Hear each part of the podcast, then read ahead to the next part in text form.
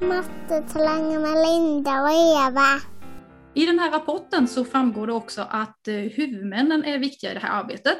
De är ju ytterst ansvariga för verksamheten och i rapporten så står det att det finns rektorer som uppger att om huvudmännen i högre grad skulle efterfråga resultat och kunskapsutveckling för de högpresterande eleverna så skulle det bidra till att utveckla undervisning även för denna elevgrupp.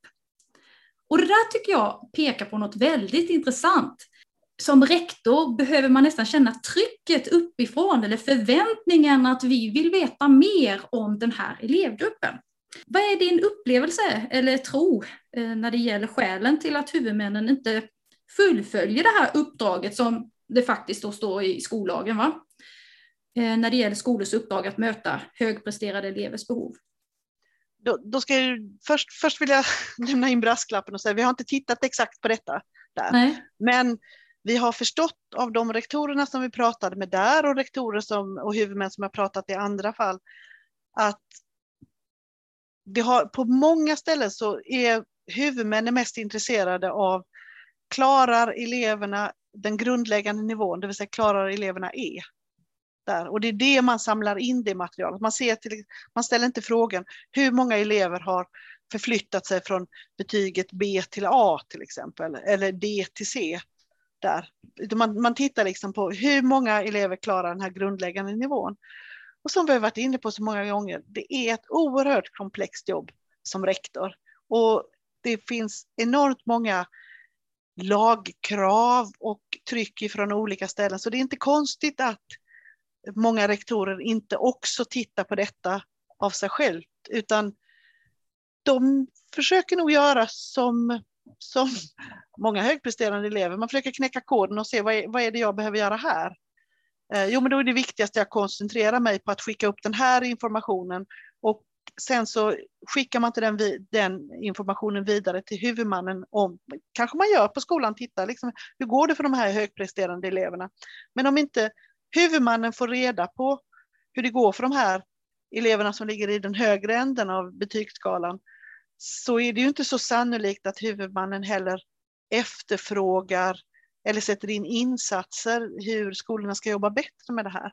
Precis, och nu menade inte jag att eh, ifrågasätta rektorernas arbete, utan tvärtom huvudmännen.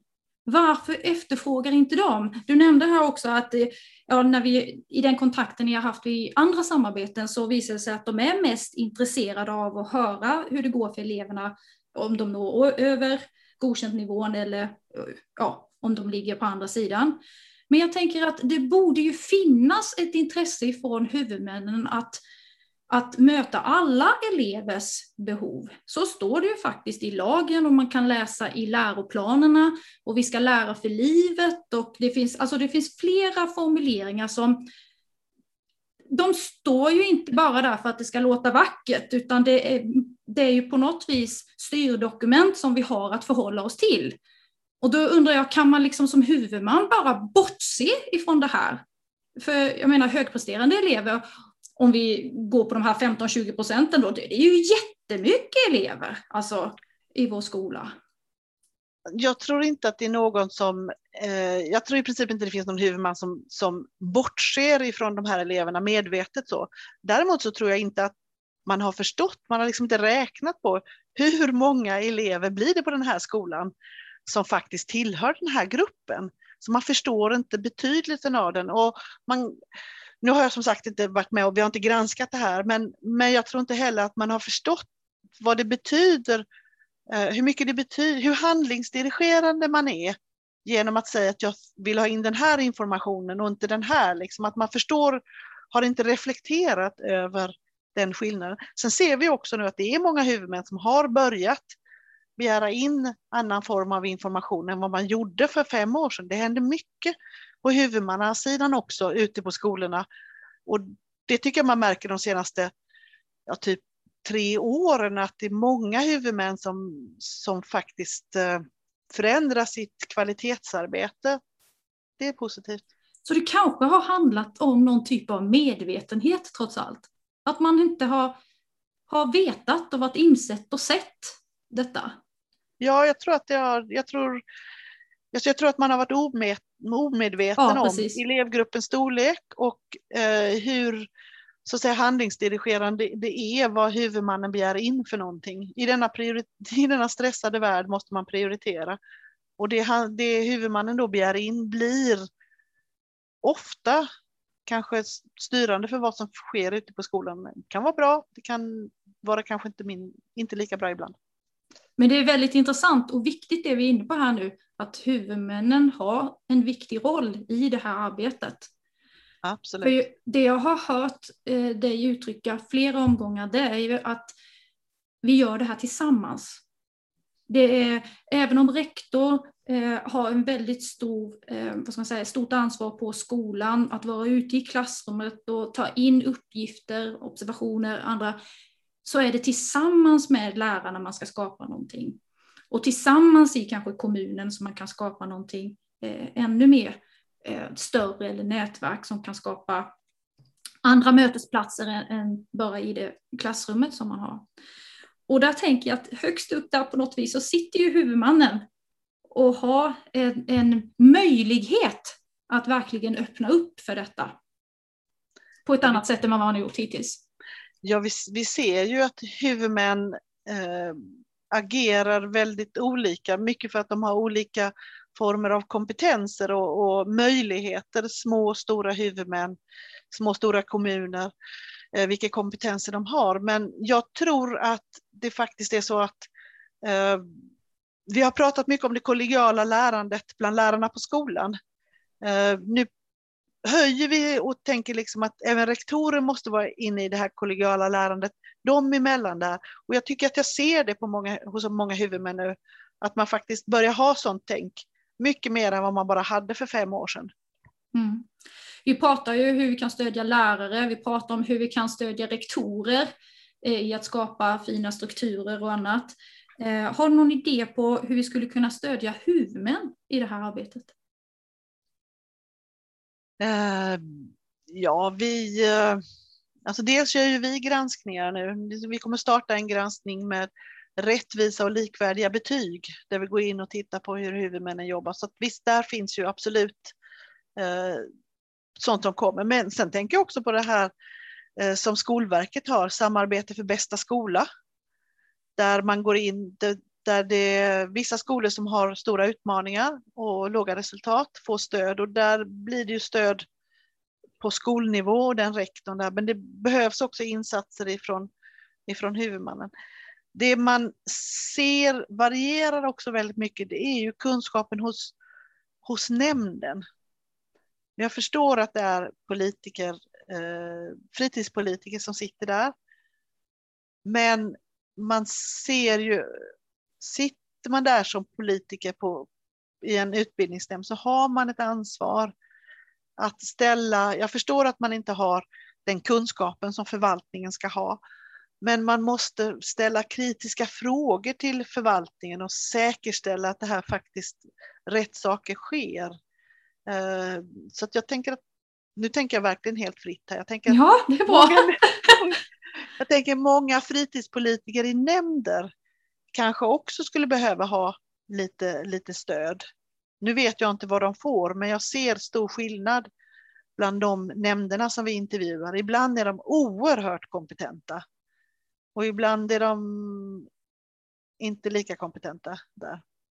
Och det är klart att det får ju effekt.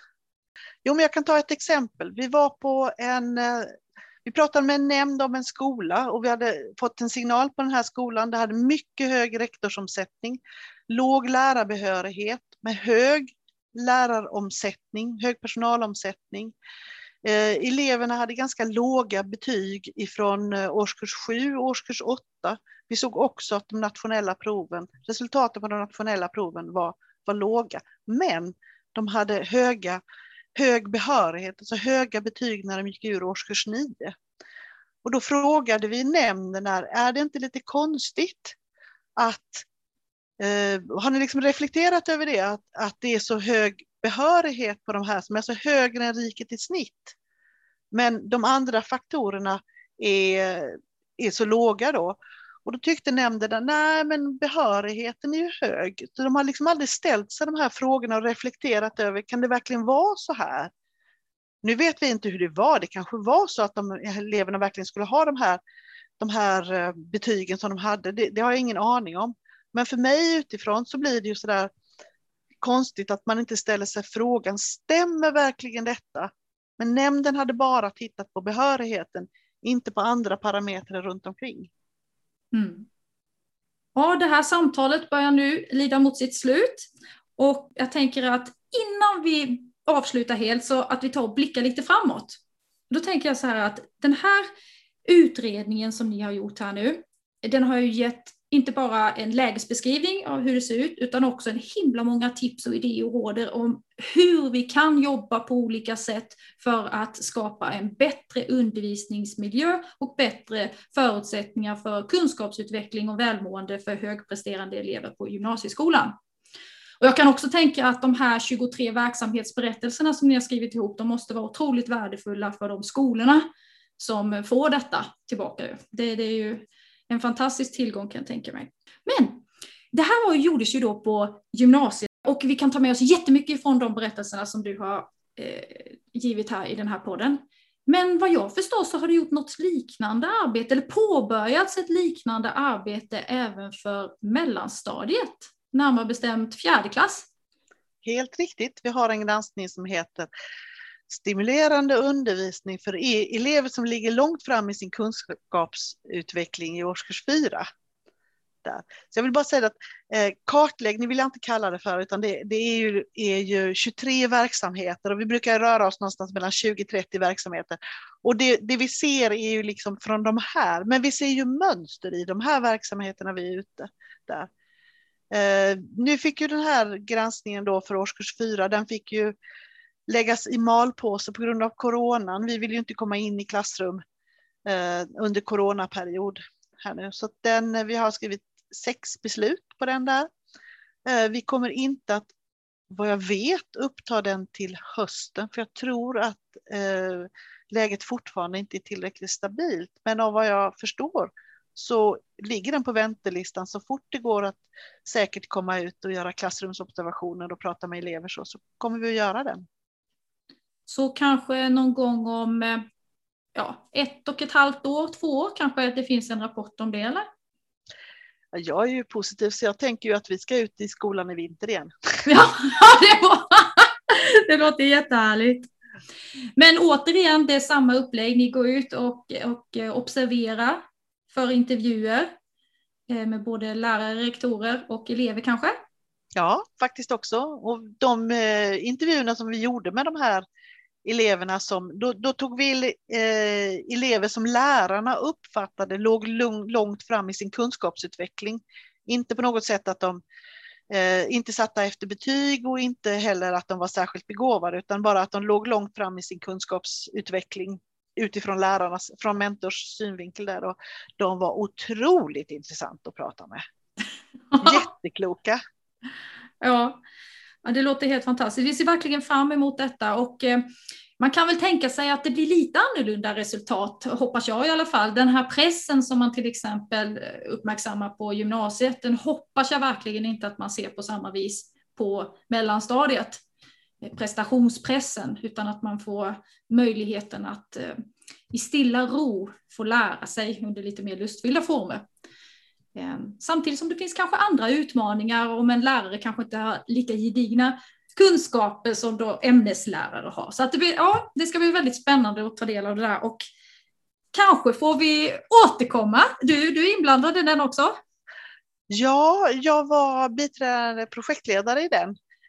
Det var dock under tiden när jag jobbade på vårt Lundakontor. Nu jobbar jag uppe i Stockholm med anknytning till Stockholm. Jag hoppas att jag blir involverad på något sätt, men eh, det får framtiden utvisa. Mm. Ja, en fråga som jag hade tänkt ställa också här på slutet, det var liksom om du ville ge något litet tips eller råd som eh, en, en huvudman eller rektor eller lärare eller man inom elevhälsan skulle ta med sig härifrån, alltså som en liten sammanfattning på det du har sagt. Men jag tycker inte det skulle göra rättvisa. Du får gärna säga någonting om du vill här på slutet kring det här, Nå någonting som sammanfattar hjärtat i det du känner av den här rapporten eller arbetet. Det, ja, ska jag säga någonting så är det ju återigen dialogen, ja. det stimulerande samtalet. Det, det stimulerande det, samtalet. Ja, det stimulerande. Och det gäller ju även att möta med nyfikenhet. Och det gäller om det är elever i årskurs fyra eller om det är elever på gymnasiet. Ja. Eller komvux. Och för övrigt så hänvisar vi till hela det här härliga samtalet med dig. så. Du, eh, är det någon särskild fråga eller något ämne, något tema som du skulle tycka var eh, särskilt intressant att vi lyfter framöver? Det jag tänker skulle vara intressant att höra mer om det är ju hur ehm, den specialpedagogiska myndigheten jobbar med det här till exempel. Eh, det skulle vara roligt för jag vet att de jobbar med ett stödmaterial men det är ju som ni har sagt här tidigare att det är ju inte lika vanligt att man vänder sig till att man tittar på de här eleverna som, som behöver stimulans för att de ligger långt fram, utan man tittar mer på de här eleverna som behöver stöd för att uppnå det lägsta betyget som ska uppnås, det vill säga E då. Så att få intervjua dem, det ska vara jätteintressant ett samtal där ni har med Specialpedagogiska myndigheten, de som jobbar med det här. Det låter som ett jättebra tips. Du Ulrika, du ska ha ett himla stort tack för att du tog dig tid och eh, pratade med oss här idag. Och vi önskar dig himla stort lycka till med det fortsatta arbetet. Jag vill också tacka jättemycket. Intressanta diskussioner och många inspirerande saker som jag tror att lyssnarna kan ta med sig. Tack så jättemycket. Det är ju jätteintressant att prata om detta, så vi skulle kunna hålla på mycket längre än så här. Men tack så jättemycket för att jag fick komma hit. Och till alla våra lyssnare så säger vi ta väl hand om er. Tjingeling! Tjingeling! Matematik, matematik, vi älskar matematik!